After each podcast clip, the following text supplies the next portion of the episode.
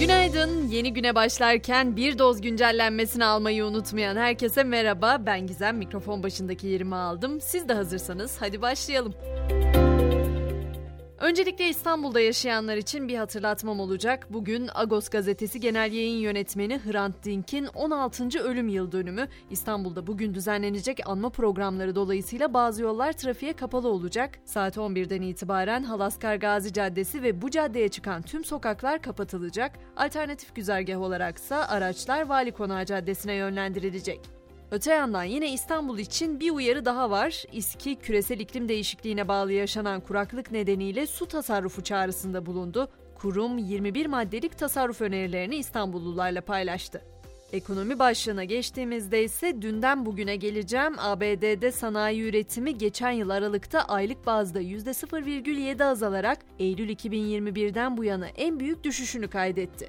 Dün Amerika'dan gelen zayıf ekonomik verilerin ardından bugünse piyasaların gözü Merkez Bankası'nda olacak. Para Politikası Kurulu faiz kararını saat 14'te açıklayacak. Aralık ayında sabit tutulan faizin bu ayda aynı şekilde devam etmesi bekleniyor.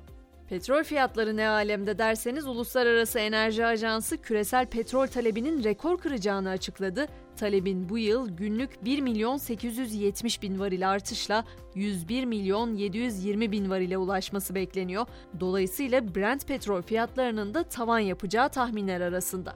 Fiyatı durdurulamayan bir diğer şey ise tava ciğeri. Yanlış duymadınız. Edirne'de meşhur tava ciğerinin son aylarda artan fiyatı ciğerciler ve onların kayıtlı olduğu odalar arasında tartışma konusu oldu. Sonunda tava ciğere 120 lira tavan fiyat uygulaması getirildi.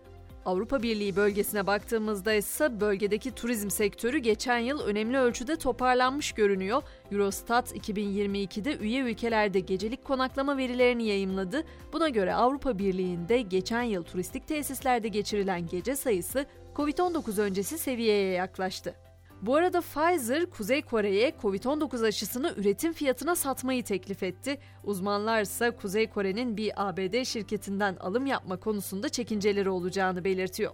Geçelim İran'a. Orada merak edilen bir ceza vardı ve o belli oldu. Eski Cumhurbaşkanı Rafsanjani'nin kızı Faize Haşimi 52 ay hapse mahkum edildi. Haşimi Mahsa Amini protestolarında göstericileri kışkırtmaktan tutuklanmıştı. Belçika'nın başkenti Brüksel ise bir ilke imza atmaya hazırlanıyor ve gece uçuşlarını yasaklıyor.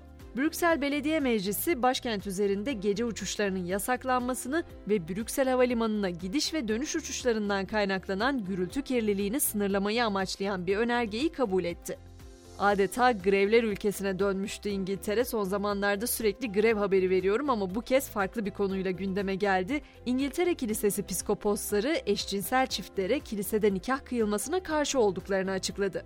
Buna karşılık eşcinsel çiftlerin kilisenin sunduğu dini hizmetlerden faydalanabileceği ve evliliklerinin kilisede kutsanmasına izin verileceği belirtildi. Teknoloji dünyasına baktığımızda ise gündemden düşmeyen yapay zeka botu ChatGPT'nin bir Nick Cave şarkısı yazmaya çalıştığını görüyoruz.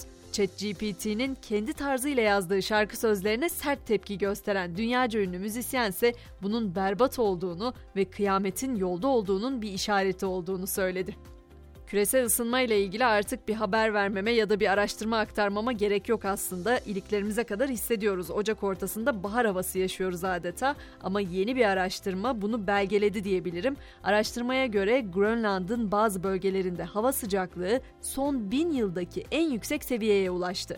Nature dergisinde yayımlanan makalede sıcaklıkların 1995'ten bu yana hızlı bir artış ivmesine girdiği belirtiliyor. Ve son durağımız spor elbette. Beşiktaş Türkiye Kupası'na veda etti. Son 16 turunda Ankara gücü penaltılarda Beşiktaş'ı 4-3 eleyerek Türkiye Kupası'nda 22 yıl sonra çeyrek finale kaldı. Ümraniye Spor'a konuk olan Trabzonspor ise normal süresi 1-1 sonuçlanan maçta rakibini uzatmada 4-1 mağlup ederek adını çeyrek finale yazdırdı.